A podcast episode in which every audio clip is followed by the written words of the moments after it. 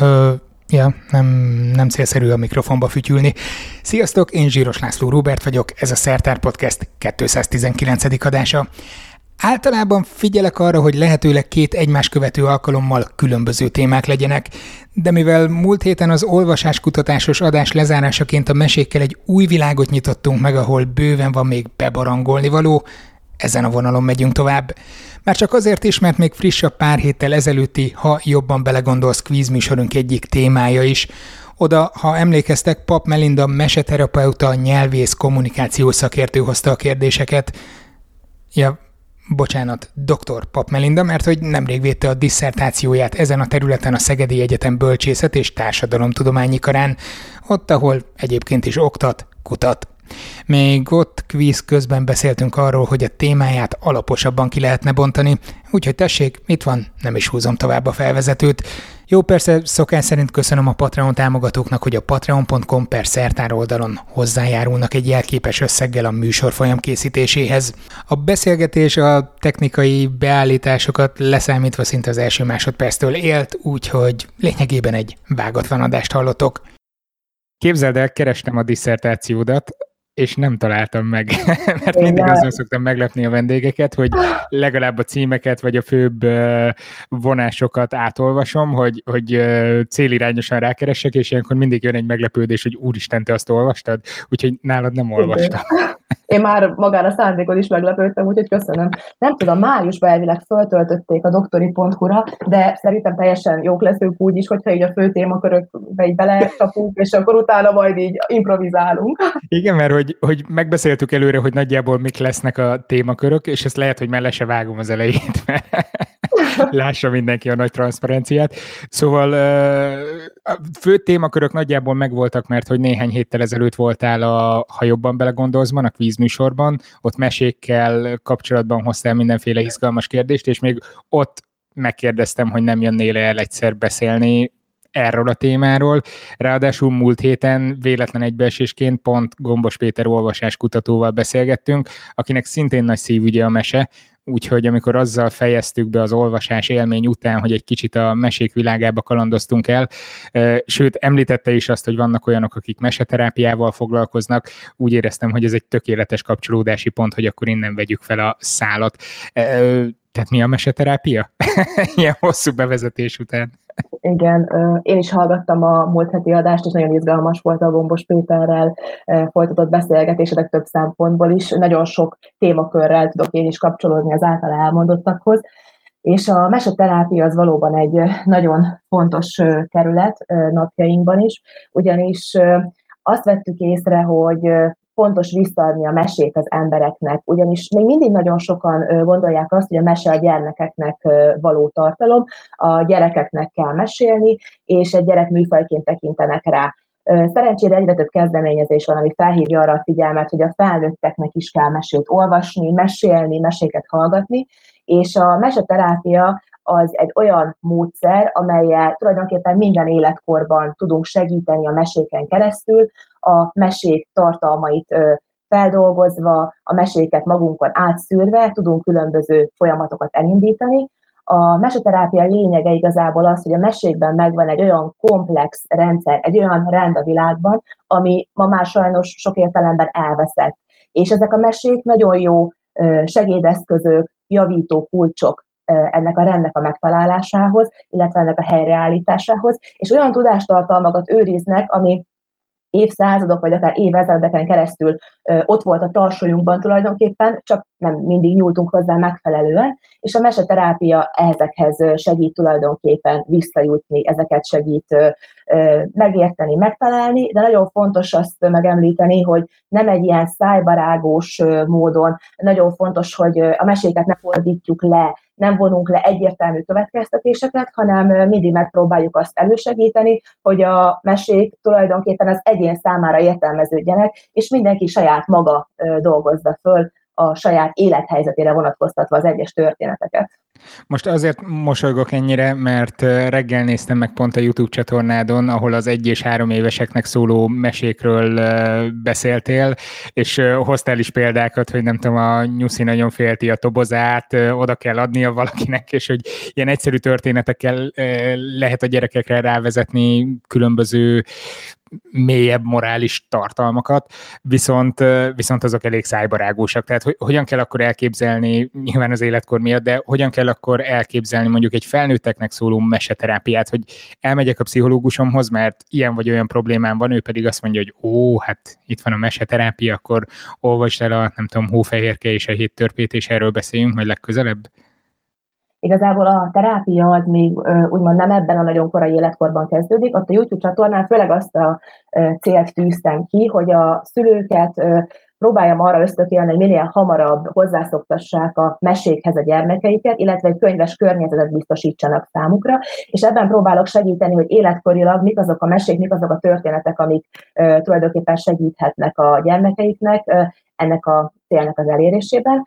Viszont effektíve ez nem terápiás jellegű mesemondás, amiről ott szó van, igazából a terápia része az nagyon érdekes, mert két fő vonulat van. Van az alkotófejlesztő meseterápia, és van a klinikai meseterápia. Amit te említettél, az a klinikai. Tehát az kifejezetten az, amikor az ember elmegy a pszichológusához, aki egyébként végzett meseterapeuta is, és az a pszichológus egyénileg meg tudja találni azokat a meséket, amelyekben, ahogy a módszer mondja, azok a mintázatok fellelhetőek, amelyek az egyén életében is megtalálhatóak. Tehát például, ha mondjuk valaki egy komoly gyászmunkában van, akkor megkeresi azt a mesét, ami az ő gyászfeldolgozási folyamatához a leginkább illik, és azzal dolgoznak.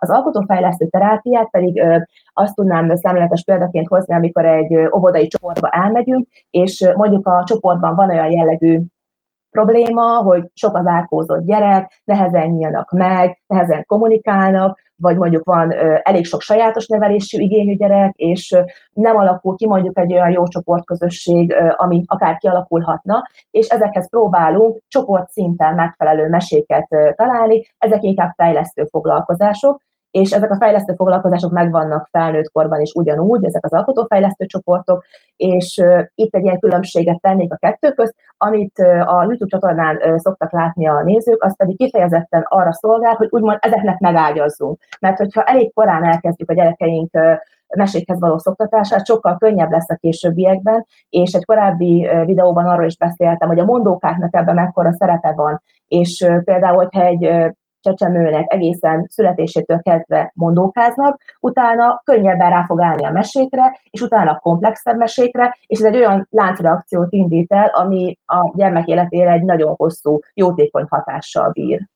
A csatornádat mindenképpen be fogom linkelni ez alá az adás alá, úgyhogy a szülők, főleg a kisgyermekes szülők mindenképpen nézzék és kövessék, amit csinálsz, úgyhogy ez neked is egy nyomás, hogy csináld a videókat, mert úgy látom, hogy három hónapja volt az utolsó, Igen. de azóta volt itt a diszertációvédésed, úgyhogy ha Igen. jól számolom, úgyhogy lehet, hogy most elfoglaltabb voltál. Viszont egy kicsit idéz, időzzünk még el itt a klinikai meseterápián, egyrészt mert nagyon jól hangzik maga a név, másrészt miért pont meséket kellene használni, nem lehet bármilyen irodalmi művet leemelni a polcról, vagy azt mondani a, a páciensnek, hogy most fut éppen a nem tudom, Macbeth, aztán nézd meg, hogy ő hogy dolgozza fel ezeket a helyzeteket a helyi színházban? Abszolút működőképes az is, amit mondasz, a biblioterápia módszerével is nagyon hatékonyan lehet kezelni bizonyos problémákat, és abszolút irodalmi művek is alkalmasak terápiás célokra, és szerencsére erre is egyre több kezdeményezés van országszinten.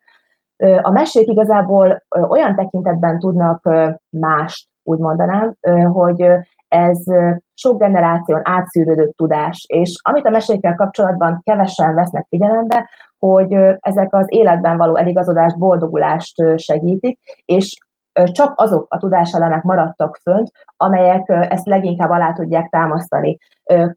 Konrad Lorenznek volt egy gondolata még 1988-ban, ami mindmáig nagyon izgalmas és, és egyre aktuálisabb, hogy kezdjük elveszteni Mondod, vagy mondjam, amit látunk. Most, most azért álltunk meg egy pillanatra, mert kimondtad Konrad Lorenz nevét, és épp előttem van egy Konrad Lorenz könyv, úgyhogy nem beszéltünk össze. Igaz, ez az Ember és a Kutya című, úgyhogy azt olvasom éppen. Nagyon jó, annyira szeretem az ilyen együttállásait a dolgoknak. Tehát visszatérve Lorenzhez. Igen, ő, azt mondta, hogy ahogy vannak kipusztulás előtt álló fajok, és tulajdonképpen a kihalás szélére sodródott fajok, ugyanúgy az emberi tudások közül is vannak olyanok, amik tulajdonképpen a kipusztulás szélére kerültek. Ő úgy mondta ezt, hogy ez az ember voltunk hanyatlása és ezt tapasztaljuk egyre inkább a világban, és a mesék például ebben hatalmas segítséget nyújtanak, hogy még olyan tudások, olyan képességek rejlenek a mesékbe kódolva, amelyekhez egyébként nem férünk hozzá. Például azt szoktuk tapasztalni egy hosszabb tartó terápiás folyamat során, hogy az elején sokszor lenyűgözi a mesehallgatót a mese, de nem okvetlenül érti. Pont azért, mert a mesék nyelvétől elszoktunk. Tehát azoktól a komplex meséktől, amik mondjuk akár egy negyed órát, 20 percet is igénybe vesznek, hogy az ember megfelelő tempóval, hangsúlyozással, dinamikával átadja, azoknak a meséknek a befogadása a mai ember számára már bonyolult, éppen azért, mert nem szocializálódtunk erre. És ha már valaki megszokja azt a bonyolult kódrendszert, ami a mesék mögött van, akkor egy idő után sokkal könnyebben ráérez azokra a kódokra, amiket, hogyha kinyitunk, akkor tulajdonképpen segítségek jelenthetnek a boldogulásban. Mondok egy példát. A gyászfeldolgozásnál maradva, van a Lotiakó című mese, amit ilyenkor nagyon nagy szeretettel szoktunk használni, mert erre tökéletes történet, a veszteségfeldolgozás segíti, és ott a repülő ember elveszíti a szárnyait, és újjá kell építeni őket, mert senki nem segít neki. És az a motivum, hogy az ember kimegy az erdőbe, és apránként, szépen lassan, egyesével újjáépíti a szárnyait, az valami fantasztikus erővel bír, hogyha megfelelően elő van vezetve. És mindenki megéri azt, hogy, hogy a teljes veszteségből hogyan jutunk el odáig, hogy valóban új szárnyakkal újra képes legyen az ember repülni. És uh, például ezek szerintem gyönyörűek ilyen helyzetben. Ezt hogy kell elképzelni a gyakorlatban? Tehát elmegyek hozzád, vagy pszichológushoz, vagy bárkihez, aki, aki meseterápiával foglalkozik, elmondom, hogy nekem az a nagy problémám, hogy elveszítettem valakit, vagy valami más veszteségért, erre megkapom házi feladatnak, hogy olvassam el, és következő alkalommal erről fogunk beszélni, vagy, vagy már ott helyben ő meséli el nekem a történetet, közben nézi a reakcióimat, vagy, vagy hogy kell ezt elképzelni folyamatában ezt a munkát? Az egyéninél így van, föltérképezi a terapeuta azt, hogy mi az az élethelyzet, amivel érkezett a, a személy, amit szeretne megosztani ezzel kapcsolatban, és ahhoz választ történetet, és azt nagyon fontos, hogy mindig elmeséli, tehát nem felolvassa, hanem a meseterapeuta mindig fejből mesél, és ez, ez olyan szempontból is nagyon lényeges, hogy teljesen más a kapcsolat egy élőszavas mesemondáskor, mint egy felolvasott mesemondás során. Erre volt héten Gombos Péterrel is kitértetek a beszélgetésben, hogy nincs ott úgymond a könyv, mint közvetítő közeg a terapeuta, vagy a mesemondó és a mesehallgató között, milyen erre a reakció? Tehát ha, ha én beülnék, és ott lenne velem szemben a pszichológus, és azt mondaná, hogy hm, na hát, gyász, elmesélek egy történetet. Egyszer volt, hol nem volt, akkor lehet, hogy egy pillanatra így kikerekedne a szemem, hogy hé. Igen, alapvetően ö, sokakhoz már úgy mennek, hogy tudják, hogy mesékkel dolgoznak, tehát sok szakembert úgy keresnek föl, és nyitottak erre illetve van a protokollban egy olyan rész, amikor megkérdezzük, hogy elmondhatok-e egy történetet, hoztam egy történetet, meghallgatjátok-e, és egyfajta nyitottságot várunk, úgymond a mesékkel szemben, és aki mondjuk egy ilyen jellegű szakemberhez fordul, az valószínűleg nyitott is rá valamelyest, de például Boldizsár Ildikó, aki a metamorfózész meseterápiás módszernek a megalkotója, írta le az egyik gyakorlati eseteket bemutató könyvében, hogy elmondta a csillagszemű juhász mesét a férfi páciensnek, és közölte vele, hogy hát engem rettentően idegesít ez a hapsi, nem is értem, és így teljes elzárkózás volt a, a figurával szembe és a történettel szembe, és ö, nagyon jó volt ez az elzár, elzárkózás, mert a terápiás folyamat során kiderült, hogy éppen azért zárkózott el előle, mert ö, nagyon sok hasonlóság volt közte, és a csillagszemű juhász karaktere és története közt,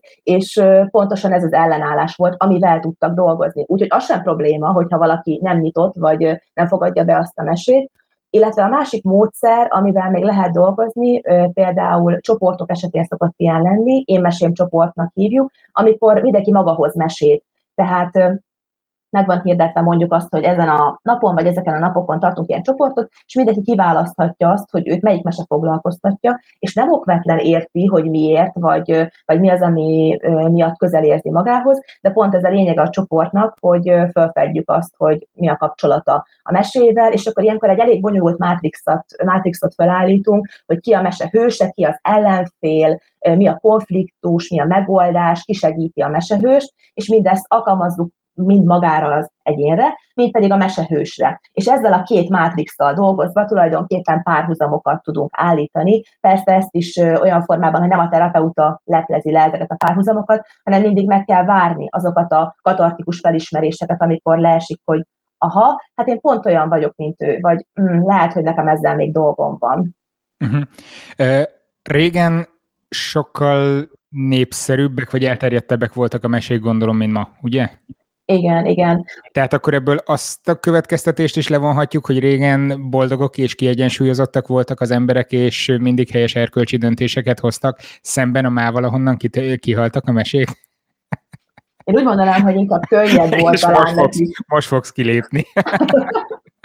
Nem, teljesen jogos a kérdés egyébként. Uh, igazából én azt gondolom, hogy azokban a kultúrákban, amiket te is utaltál, hogy kedveltebbek voltak a mesék, ugye ezek még a régi paraszti kultúrák voltak, amikor ö, ö, tolfosztás, ö, vagy, vagy bármilyen más munkálat közben is meséltek az emberek, és ugye akkor minden élethelyzethez megvoltak a mesék, tehát a lányok, mire fölnőttek, hallottak egy csomó olyan történet, ami, ami például segítette azt a határátlépést, hogy egy lányból nő legyen, vagy mondjuk a fiúknál ugyanez.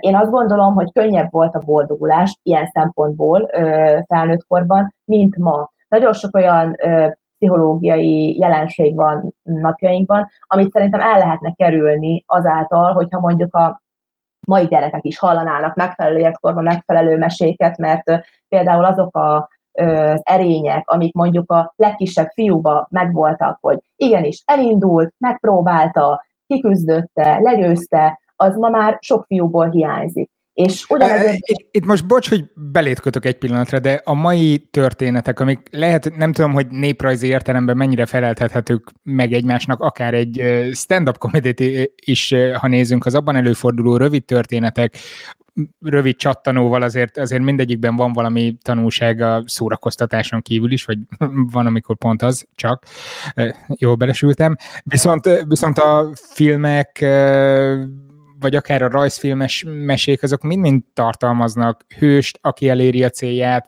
belekerül különböző konfliktus helyzetekbe, tehát hogy ha például most arra gondolok, hogy a Star Wars rengeteg uh, csillagok háborúja rajongó van valószínűleg a hallgatók között is, hát az is bőven tartalmaz olyan elemeket, amelyek korábban is megjelentek mindenfelé az irodalomban, le lehet vonni belőle a következtetést akár erkölcsi lépésekre is, vagy társadalmi kérdésekre is, hogy hogyan állunk hozzá, akkor ezek nem egyenértékűek a korábbi mesékkel?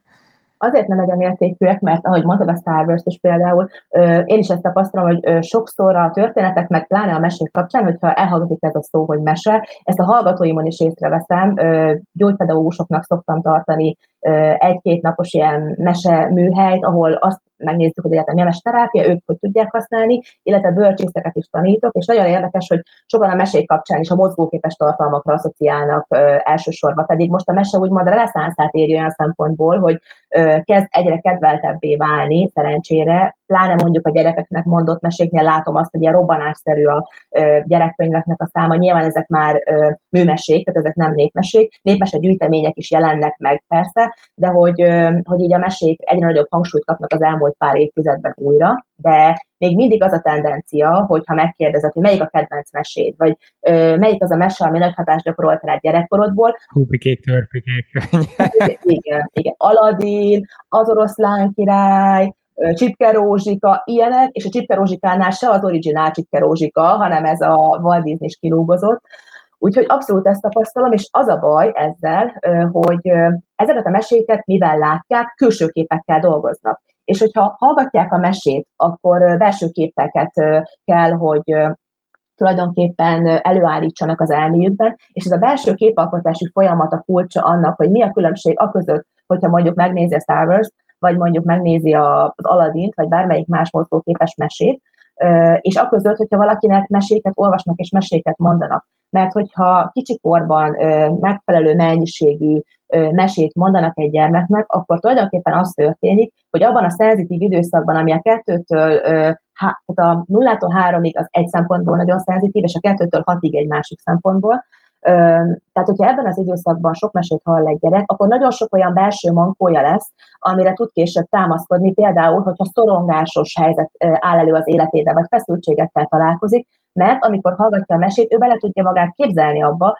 hogy, hogy tulajdonképpen ő a mesehőse, ő járja le ezeket a köröket, ő éli meg, illetve minden szereplőt úgy tud elképzelni, ahogyan az ő képzeletében, az megteremtődik. Ha pedig egy mozgóképes mesét néz, akkor uh, tulajdonképpen mindent készen kap, és ezeket a külső képeket befogadja, a tanulságot ugye le tudja vonni, de pont az a megélés hiányzik belőle, ami által ezeket föl tudja dolgozni hatékonyabban magának, illetve ezek olyan okozati összefüggésekre uh, engednek uh, következtetni, vagy olyanokat tud belőle tanulni, amit aztán tényleg sokkal jobban tud használni a későbbiekben, mert például Gopnik mondta azt, hogy a babáknak az agya olyan, mint Párizs óvárosának a térképe. Nagyon komplex, és nagyon szövevényes, pont úgy, mint a, felnőtt agy elme tudat fölépítése, csak egészen másképpen működik. De a babáknak ugyanúgy megvan a képessége és a készsége arra, hogy ezeket értelmezzék. És két éves kortól pedig nagyon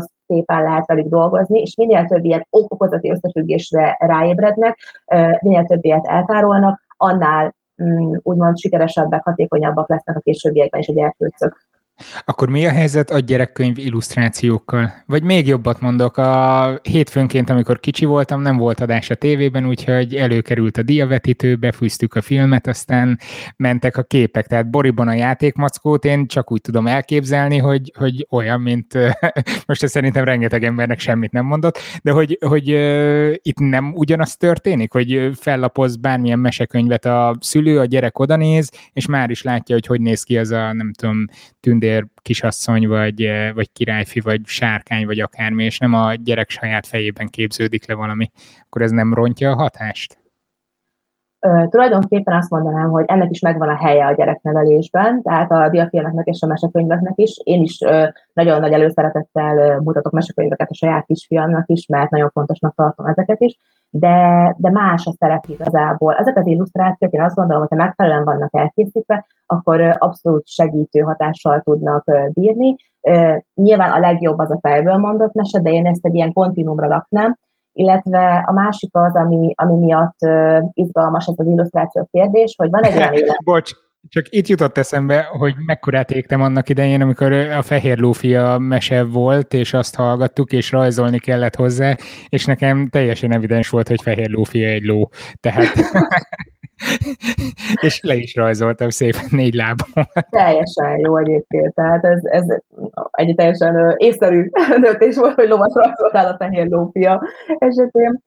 Tényleg egyébként a, a gyerekeknek a képzelete az így tovább gondolja a dolgokat, és hogyha mondjuk ilyen állóképekbe gondolkozunk, akkor úgymond ezt a mozgásfázist hozzá tudják képzelni, illetve az egész körítést. Én úgy raknám el egy kontinumra, hogy szerintem hogy a legjobb az a fejből mondott mese, aztán jönnek a mesekönyvek a diavetítő, és úgymond a legkevésbé jó megoldás a mozgóképes mese, de én ebben sem szeretek ö, rigorózus lenni, mert tudom, hogy például a mai gyereknevelési ö, helyzetekben van, amikor tényleg elő kell kapni azt a jól megválasztott kis mozgóképes mesét, amivel mondjuk arra a pár percre lehet kötni a gyereket, amikor éppen a buszra várunk, és már végképp nem jön, vagy nem is tudom, már semmi se segít, tehát hogy én abszolút nem zárkozom el ez elől. Viszont nyilván az tudható, hogy úgymond a túl korai mesenézés az nem tesz jót a gyerekeknek, tehát ezt már agykutatók is vizsgálták, hogy túl korán nem érdemes elkezdeni a képernyőzést, nyilván ez mindenkinek a saját szülői döntése, hogy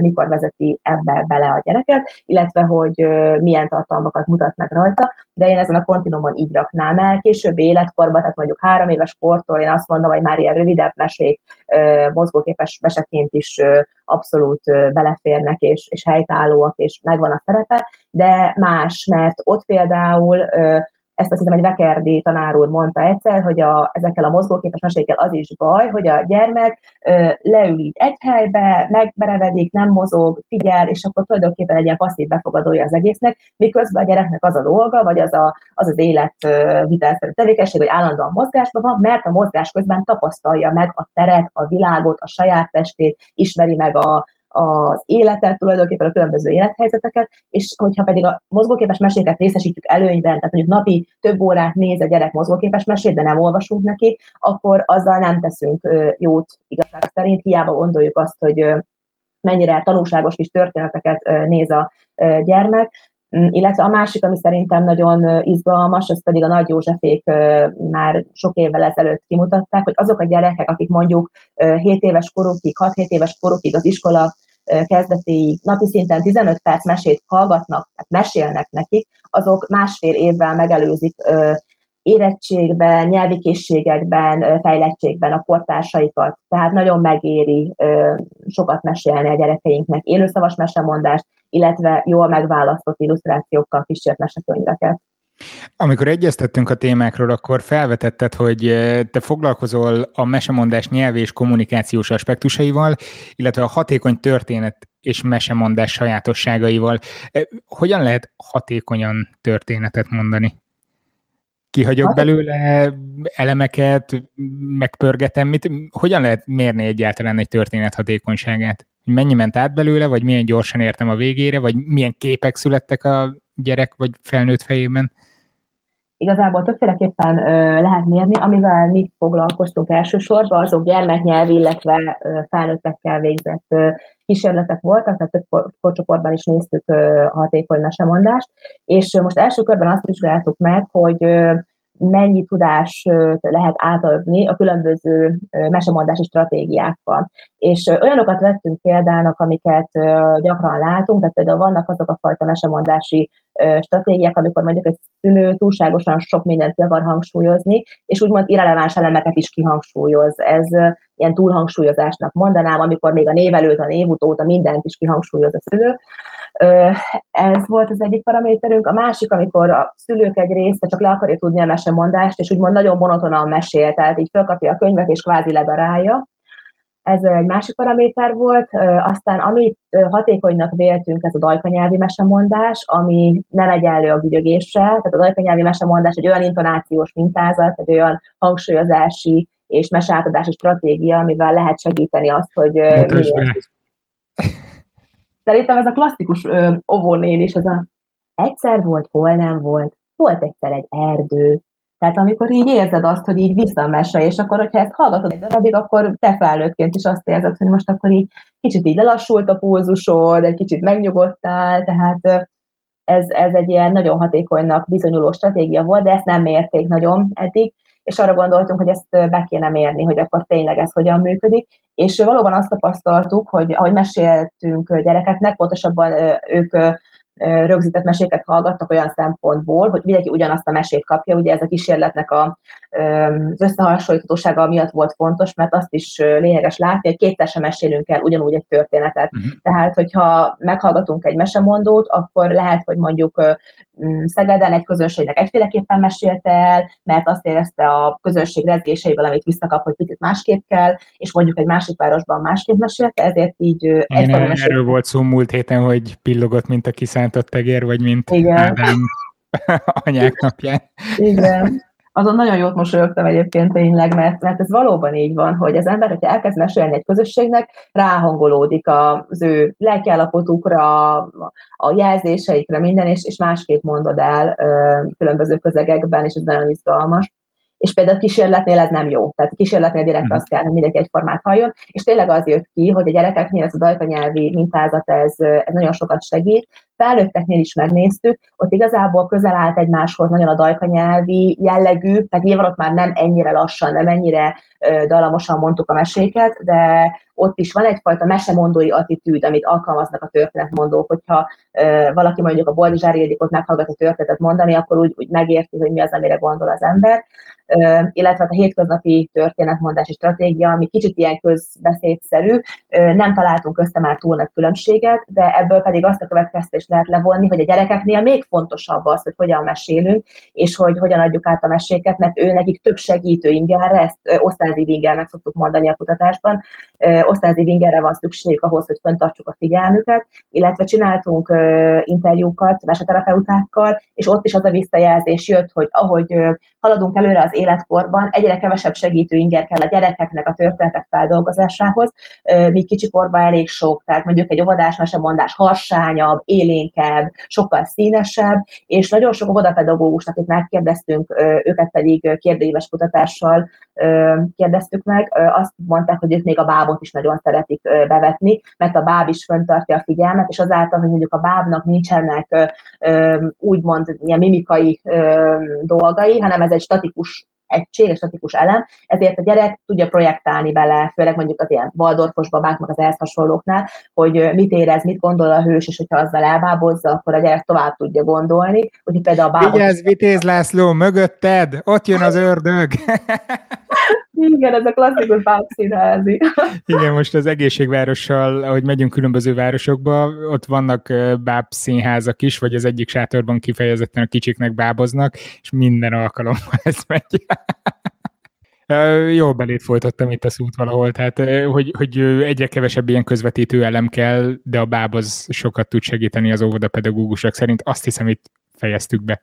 Igen, igen, abszolút, abszolút. Tehát, hogy, hogy ez az izgalmas, hogy egyre kevesebb ilyen közvetítő közeg kell, sőt, beszámoltak róla, hogy például iskolásoknál, ami ugye egy érdekes korosztály a mesék szempontjából, mert ők már nagyok a mesékhez, ott nagyon neki kell készülni, hogyha az ember vagy iskolásoknak akar mesét mondani, pláne mondjuk felső tagozatban, vagy kamaszoknak, mert van egy olyan attitűd, amit adott esetben le kell győzni, hogy a mese igenis nekik is való, és ott például már nem segít ez a dajkanyelvi jellegű, ott már inkább ez a felnőtt mesemondói stratégia, ami beválik, mert ott azt kell érezniük a kamaszoknak és a felsősöknek, hogy őket már egyenragú partnerként kezeled, és tulajdonképpen ti együtt dolgoztak a történeten. Erre az egyik kedvenc példám az a három kismalac meséje, amit elvittek pályaválasztás előtt álló fiataloknak, és, és még azt a mesét is, pedig hát az egy klasszikus gyerekeknek való mese a szalmaházzal, a főházzal és a többivel, még azt is tudták úgy formálni, úgy előkészíteni, ez egy nagyon fontos része mondjuk a terápiának is,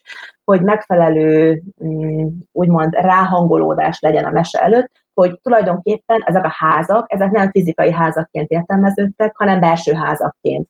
És uh-huh. leesett a gyerekeknek az, hogy tulajdonképpen a szalmaház az mindenkinek a saját életére vonatkoztatva, de valami olyasmit jelent, hogy mi az, amit, amit úgy, ha csinálok, akkor nem visz annyira eredményre, ami hosszú távon nem lesz olyan jó. És a saját életében mindenki be tudta azonosítani, hogy oké, okay, akkor mikor építő szalmaházat, és mit kéne csinálni ahhoz, hogy mondjuk kőházat építsen. És ez például ott, amikor el kellett dönteni, hogy ki merre tanul tovább, ki mit csinál, ez nagyon hatékony volt, mert azzal keresték fel például a terapeutát, aki ezt a foglalkozást tartotta, hogy nem bírnak az osztályjal. Tehát, hogy így nem tudják őket rázba szedni, nem mérik fel annak a súlyát, hogy ennek a döntésnek már súlya van tényleg a jövőjükre nézve, és hogy akkor a meseterapeuta kezdjen velük valamit, és egy több alkalmas ilyen csoport foglalkozás sorozatot csináltak nekik, és tényleg sikerült őket egy kicsit arra rávenni, hogy mélyebben elgondolkodjanak ezen, és talán egy kicsit komolyabban vegyék azt, hogy oké, okay, ez tényleg egy életre szól.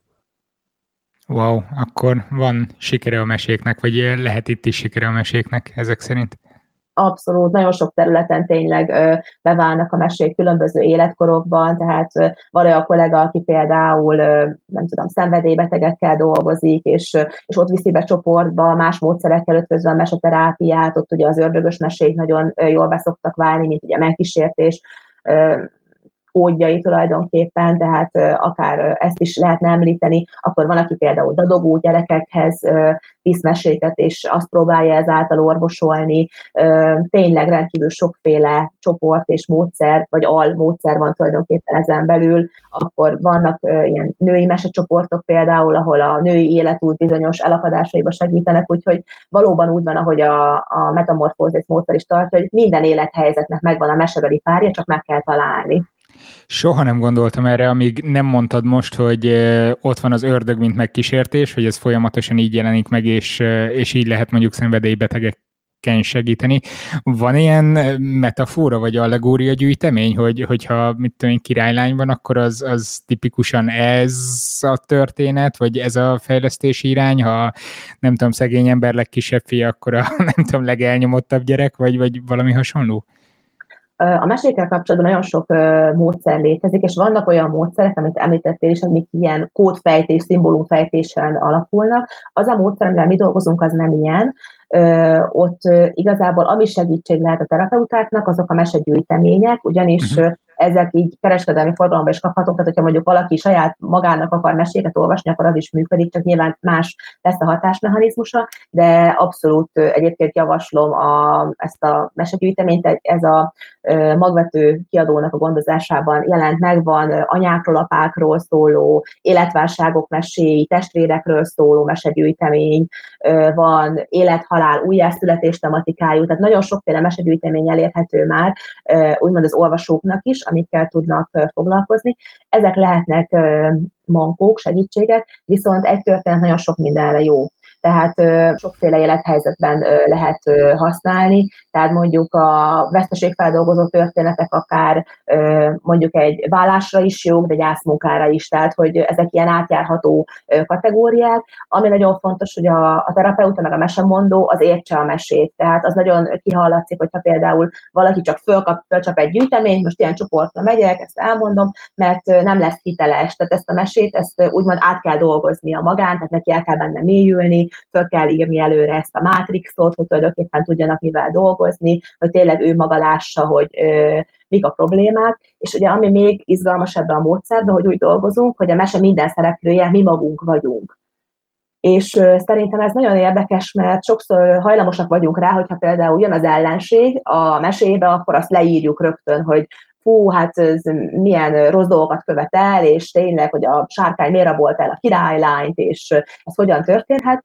És közben pedig a saját életünkre vonatkoztatva mi is elraboljuk néha a saját királylányainkat, és meg kell ö, találni azt, hogy tulajdonképpen hol rontunk mi a saját sorsunkon, hol vágjuk saját magunk alatt a fát. Csak mire idáig eljutunk, nyilván elég sok lépcsőt ö, be kell járni, tehát meg kell ismerni a mesét, először meg kell érteni, és aztán utána kell a saját életünkre vonatkoztatni. Igazából a terápiában úgy szoktuk csinálni, hogy mindig az elején nem is rögtön a mesével kezdünk, nem vágunk bele egyből, hanem mindig vannak ilyen ráhangoló gyakorlatok. Például szoktunk olyat csinálni, hogy könnyebb legyen a kapcsolódás, ugye nagyon sokan ezekkel, ahogy említettem, a belső képekkel nem dolgoznak. És ezért a külső képektől indulunk el a belső képek felé. Tehát például, hogyha mondjuk a, a híddal fogunk dolgozni, akkor az elején mondjuk rengeteg híddal kapcsolatos képet viszünk, és mindenki kiválasztja a saját hídját. És beszélgetünk erről, hogy az ő életében mi a híd, van-e híd, ha nincs híd, miért nincs híd. És ezt követően attól függ, hogy milyen korosztály, lehet használni mondókákat, dalokat, népi játékokat, lehet különböző tárgyakat bevonni még így az elején, hogy ráhangolódjunk a mesére. Ezt követő ugye a mesemondás, és a mesemondás után pedig ez a feldolgozó beszélgetés, illetve lehetnek ezzel kapcsolatban próbák is, amit ki kell állni a meseterápiára érkezőnek, lehet adni különböző feladatokat, amiken keresztül menve tulajdonképpen kiállja a saját életére is a próbát az adott személy, és hát attól függően, hogy egy alkalom vagy több alkalom lehet hosszú távra is tervezni, vagy egy ilyen ívet belevinni a dologba, hogy egy témával kapcsolatban most ez a történet, és következő alkalommal meg egy másikkal megyünk tovább, vagy ha nem végeztünk, akkor több alkalommal ugyanazt a mesét dolgozzuk fel. Ez mindig nagyon változó. Arra utaltál itt is, meg a kvízben is annak idején, annak idején, ha ezer éve egyszer volt, hol nem volt, nem tudom, három hete, négy hete, hogy, hogy ugye letisztultak ezek a mesék az évszázadok során, és azok maradtak fenn, amik, amik valamilyen tartalommal tudnak bírni, és üzenetet, jó üzenetet tudnak közvetíteni. Viszont nem lenne jobb terápia szempontból, hogyha célzottan írnák a meséket? Tudod, célzott terápia, ilyen műmesékkel traktálni az embereket? Traktálni jó értelemben persze. Tehát neked ez a problémád, akkor erre generálunk neked egy személyre szabott mesét. Igazából ezzel az lenne a probléma szerintem, hogy egy ember szűri át magán. Tehát egy pszichológus, egy pszichiáter azt gondolja, hogy ez jó lesz. És egyetlen személy szerintem nem elégséges szűrő erre, Itt pont ez a, a szép szerintem, és a, a nagyon értékes, ebbe a kulturálisan releváns tudás, ezt így szoktuk mondani, tartalomban, ami a mesékben őrződik, hogy ez ugye úgy zajlott régen, erre azt hiszem, hogy a, a CEUS előadásban utaltak is, hogy beleszóltak régen, ez nem így volt, ez nem így történt, ez másképp, és ugye pont ez a, ez a közösségi tudás, ami ezt legitimálja tulajdonképpen, mert attól, hogy én jó megoldásnak tartok egy élethelyzetre egy dolgot, az nem biztos, hogy valójában az, és itt pedig tényleg, hogyha nemzedékeken keresztül ezt értéknek és, és iránymutatónak tartották, akkor az mindmáig annak kell, hogy legyen, csak ezt tényleg vissza kell tudni találni. Viszont ami érdekes, hogy ma már a műmesék is helyet kapnak egyébként a, a terápiában, tehát most már ennyiben más a módszer, hogy most már több műmesét is bevonnak, befogadnak, de nem mindegyiket, mert tényleg vannak nagyon didaktikus mesék, amivel nem lehet mit kezdeni, mert benne van a mesébe a tulajdonképpen a tartalom, tehát ami, ami levonja a következtetés egyértelműen a gyerek számára, és úgymond nincs miről beszélni, és mondjuk nem tudom, visszagondolva egy óvodás csoportra, volt egy olyan eset, amikor pár gyerkőc nagyon kilógott a csoportból, és azért meséltem mm, egy az kifejezetten műmese volt, a Boldizsár Edipónak a Repülő Hal című meséje, és ott ugye az a kis halacska az különbözött a többiektől, mert ő szeretett volna repülni, és hogy ő a repülő hal, és a többi hal meg ilyen úszik a vízbe, és hát ő kilógott a többi közül, és ezt a folyamatot, hogy hogyan teljesedett ő ki, hogyan élte meg ő a repülőhal, mi volt át, dolgoztuk fel a, a gyerekekkel, és, és nagyon működött, és évekkel később is találkoztam egy kislányjal, pont annak az intézménynek az udvarán, ahova járt suliba, és akkor így beszélgettünk egy pár szót, és akkor kérdeztük tőle, a, a óvodapedagógus barátnőm volt ott, akinek a csoportjából járt, hogy és emlékszel le, hogy a Melinda néni mit mesélt annak idején. És akkor mondta, hogy a halacskásat, a halacskásat és évekkel később emlékezett rá, és ez nagyon nagy visszaigazolás volt számomra. Arról beszéltünk, hogy hogyan lehet hatékonyan történetet mesélni, de hogyan lehet hatékonyan hallgatni, vagy azt, azt tudjátok mérni, hogy milyen állapotba kerül az ember mesehallgatás közben? Igen, ez egy nagyon izgalmas terület, ez egy másfajta hatékonyság, én úgy mondanám. Ez tulajdonképpen abban lehetne mérni, hogy a történethallgatási transzállapota beáll-e, vagy nem, illetve mondjuk azt, hogy... Történethallgatási transzállapot? Igen, igen.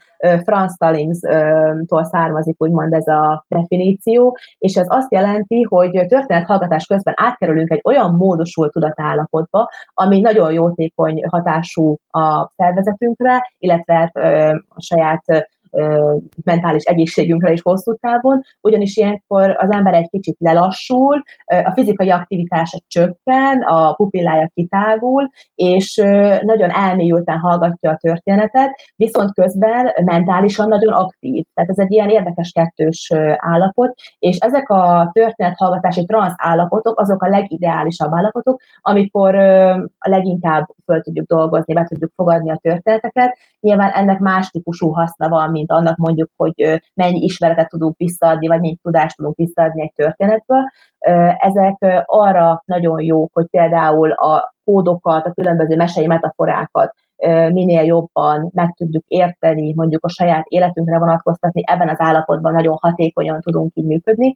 És ennek ugye három komponense is van, ahogy mondtad te is a hallgatók, tehát tulajdonképpen a történet hallgatón múlik, a történet mondón, és magán a történeten. Tehát ez egy nagyon szerencsés együttállás, amikor ez így megvalósul, ugyanis ha nem megfelelő a történet, akkor nyilván a hallgatóságot nem köti le, tehát már ott megbukik a dolog. Ha nem megfelelően mondjuk el, akkor nem kelti fel az érdeklődést. Viszont az izgalmas az, hogy a történet hallgatónak is van úgymond ebben szerepe, ugyanis nem mindenki egyformán alkalmas erre. Nagyon érdekes hasonlat volt ezzel kapcsolatban, hogy a hipnózissal párhuzamba állítható ez a történethallgatási transzállapot, ami egyébként egy teljesen természetes és jó állapot, tehát ez egy, egy abszolút pozitív helyzet, amiben belekerül így a mesehallgató, mert hogyha mondjuk valaki több mesét hallgatott gyerekkorában, vagy mondjuk felnőttként többet foglalkozik mesékkel, akkor fogékonyabb erre az állapotra, és akkor sokkal jobban el tud ebben mélyülni, sokkal jobban meg tudja élni a történeteket, de igazából egy ilyen nagyon egyszerű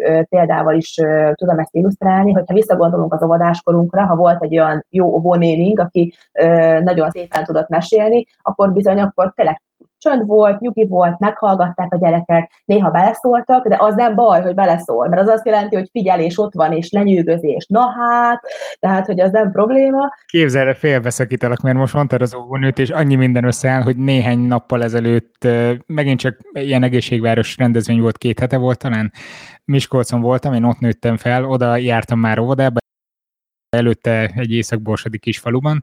Ja igen, itt, itt túl sok részletet mondok, tehát rossz mesélő vagyok. Szóval Miskolci óvoda, és oda jött hozzánk egy nagyon idős néni a sátorhoz, és mondta, hogy jaj, hát ő is vitt magával mindig hangszert a gyerekekhez, és mondom, ó, tanítónő volt, és mondta, hogy nem, óvónő, és így ránéztem, kikerekedett a szemem, és felismertem, hogy ő a volt óvónőm volt, így nem tudom, nagyon sok évvel ezelőtt. Hát ott mindkettőnknek így folytak a könnyei a meghatottságtól. Elképesztő volt most 90 valány. Ez annyira szép lehetett tényleg, meg látszik, hogy mekkora nyomot hagyott benned is, hogy ő ennyire igen, ő egy ilyen legendás óvónő volt állítólag, úgy, úgyhogy szerencsés voltam. Igen, igen. Még egy dolog jutott itt eszembe, miközben beszélgettünk, aztán vagy reagálsz rá, vagy nem, ezt meglátjuk. Én Lisszabonban dolgoztam néhány éven keresztül egy Science Centerben, ahol különböző kiállításokon próbáltuk meg megmutatni a nagy közönségnek a természettudomány mindenféle csodáját, és az állandó kiállítás mellett minden évben fejlesztettünk egy új kiállítást. Ez általában közösen volt több más Science Centerrel együtt, de nálunk volt a fő tesztelés, hogy megnézzük, hogy hogy reagál rá a közönség. És egyszer volt egy olyan téma, amiben úgy gondoltuk, ennek a fejlesztésében én nem vettem részt, de mint intézmény úgy gondoltuk, hogy, hogy szuper jó lesz. Mert ugye mesékről lett volna szó, arról, hogy a mesékben milyen természettudományos jelenségek jelennek meg, és azok voltak felnagyítva, kipróbálhatóan, beleélhetően, tehát nem tudom, épp a három kis malacot felhoztad, ott a különböző építőanyagok hogyan tudja elfújni szélgéppel a játékos, megnézni, hogy hogyan tudja kimenekíteni a kis malacokat a hazugságvizsgáló volt Pinocchionál, tehát fel tudtál magadra rakni ilyen kesztyűt, mérte a bőrellenállásodat, stb. stb. Tehát, hogy, hogy kicsit belemagyaráztuk, hogy, hogy mi minden lehet mögötte. Szerinted milyen fogadtatása volt ennek a kiállításnak? Hát így, ahogy elmondott, gondolom nem váltotta be a hozzáfűzött reményeket, így a hangsúlyodból következtetek erre abszolút kudarc volt. Méghozzá utólag néztük, hogy valószínűleg azért, mert minden mesékről szólt, tehát, hogy, hogy már a logóban minden, eleve Eromavés, tehát, hogy egyszer volt, hol nem volt, ez volt a, a címe magának a tárlatnak. Elhozták az emberek a kisgyerekeket, a nagyon kicsi gyerekeket, akiknek még abszolút semmit nem mondott az a tartalom, amit át szerettünk volna adni. Felnőttek nem jöttek be, mert hogy ez mese, ez gyerekeknek szól, felnőttek alatt itt a középiskolásokat is értem, tehát hogy nekik nagyon ciki lett volna bemenni a kiállítótérbe, úgyhogy ott voltunk méregdrágán lefejlesztett eszközökkel, úgyhogy a gyerekek lényegében csak a farkas simogatták, meg a nem tudom, tehát hogy, hogy abszolút nem funkciójának megfelelően használták a kiállítást, úgyhogy azt hiszem, hogy az nem egy sikertörténet ott a... Tehát a kettő közé lőtetek akkor, hogyha jól értem, tehát akiket szerettetek volna megcélozni ezzel, azok még nem értették, akinek megszólt volna, az meg már nem ment be azért, mert úgy gondolta, hogy hát neki már ez nem való, ugye? Pontosan. Terápián ilyen előfordulhat? Igazából csak akkor, hogyha mondjuk valaki nem elég fölkészült, vagy, vagy nem hangolódik rá eléggé a, a csoportjára. Alapvetően azért úgy engednek minket utunkra, hogy már tényleg egy olyan mesei tarisztjánk van, amiből azért elég szépen lehet boldogulni, nyilván mindenkinek kell magát fejleszteni. Olyan van mondjuk, hogy valakinek vannak kevésbé sikerültebb próbálkozásai, vagy kevésbé sikerültebb csoportjai, amiről sok kollega szokott beszámolni, hogy bizonyos csoportokban, mondjuk pláne, hogyha ha nem tudom, nem nagyon szoktak előtte ilyen helyzethez, vagy mondjuk nagyon dacos a csoport, akkor őket nehéz megtörni, és nehéz úgymond így ráhangolni őket, tehát ott akkor egy kicsit nagyobb nekirugaszkodás kell, hogy honnan indítsunk, tehát például, hogyha mondjuk valaki nem fogék, hogy akkor be lehet dobni ilyet, hogy papírszínház esetleg, mint eszköz, és akkor az egy ilyen kis tárgyi dolog, és akkor mégiscsak jobban leköti a figyelmét, hogyha amúgy nem lenne hajlandó, de alapvetően szerintem, hogyha megfelelően fel van építve az egész dolog, akkor egy-két kilógó mm, csoporttag attól eltekintve, azért a többség fogékony szokott lenni a foglalkozásokra és a csoportokra.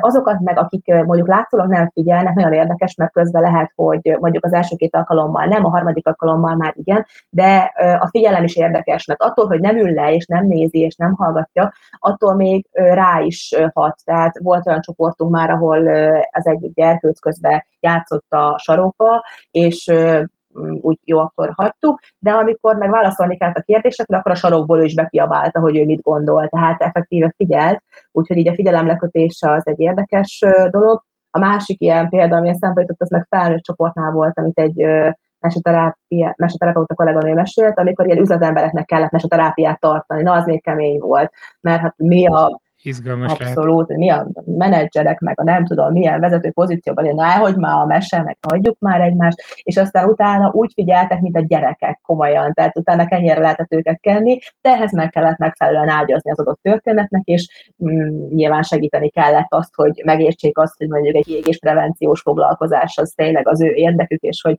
most nem az a úgymond süket duma van, amit egy ilyen ismeretterjesztő adáson át szoktak adni, hanem egy picit másképpen közelítenek az élethelyzethez, és rájöttek, hogy húsz, ez tényleg rólunk szól, és már is megérkeztünk oda, hogy akkor a mese tudott működni. Akit érdekel a meseterápia valamilyen oldalról, hol tud utána nézni? Én alapvetően a Boldizsár Ildikó könyveit javasolnám kezdésnek. Van egy 2010-es kötet, aminek ez is a címe, hogy Meseterápia, az egy nagyon jó alapozó könyv, én azzal kezdeném. Illetve akit ez jobban beszippant, van ennek folytatása, gyakorlati kézikönyv, illetve mesegyűjtemények, akik pedig nem kifejezetten a terápia, hanem mondjuk a, a gyermekekkel kapcsolatos ö, mesék, mesefeldolgozás, annak például a mesepszichológiát is tudom javasolni, Kádár Anna Mária köteteit nagyon olvasmányosak, és kifejezetten a, a gyerkőcöket célozza, hogy a gyerekek érzelmi intelligencia fejlesztését hogyan lehet elősegíteni mesékkel, ha pedig egyen régebbi irodalmakból akarunk klasszikusokból választani, akkor pedig Bruno Bettelheim munkáit tudnám még javasolni. Ő is azzal foglalkozott, hogy a bontakozó gyermeki lélekben milyen szerepe van a meséknek. Köszönöm szépen, hogy itt voltál velünk. És elmesélted ezeket persze. Én is nagyon szépen köszönöm a meghívást. Köszönöm a figyelmeteket, a Patreon támogatóknak a Patreon támogatást, linkeket a podcast leírásában találtok. Jövő, illetve a következő héten lesznek az áróvizsgáim, nem ígérek új adást, bár amikor tanulni kéne, akkor hirtelen valahogy minden fontosabb lesz, tehát lehet, hogy lesz adás, nem tudom. Nem sokára minden esetre találkozunk, addig is élvezétek a nyarat, vigyázzatok a viharokkal, ha meg épp a nap, akkor az UV-val. Mondjuk az UV-val most jobb, ha én is vigyázok. Nem akartam ilyen szóviccel zárni, lépek is tanulni. Sziasztok! Ez a műsor a Béton közösség tagja.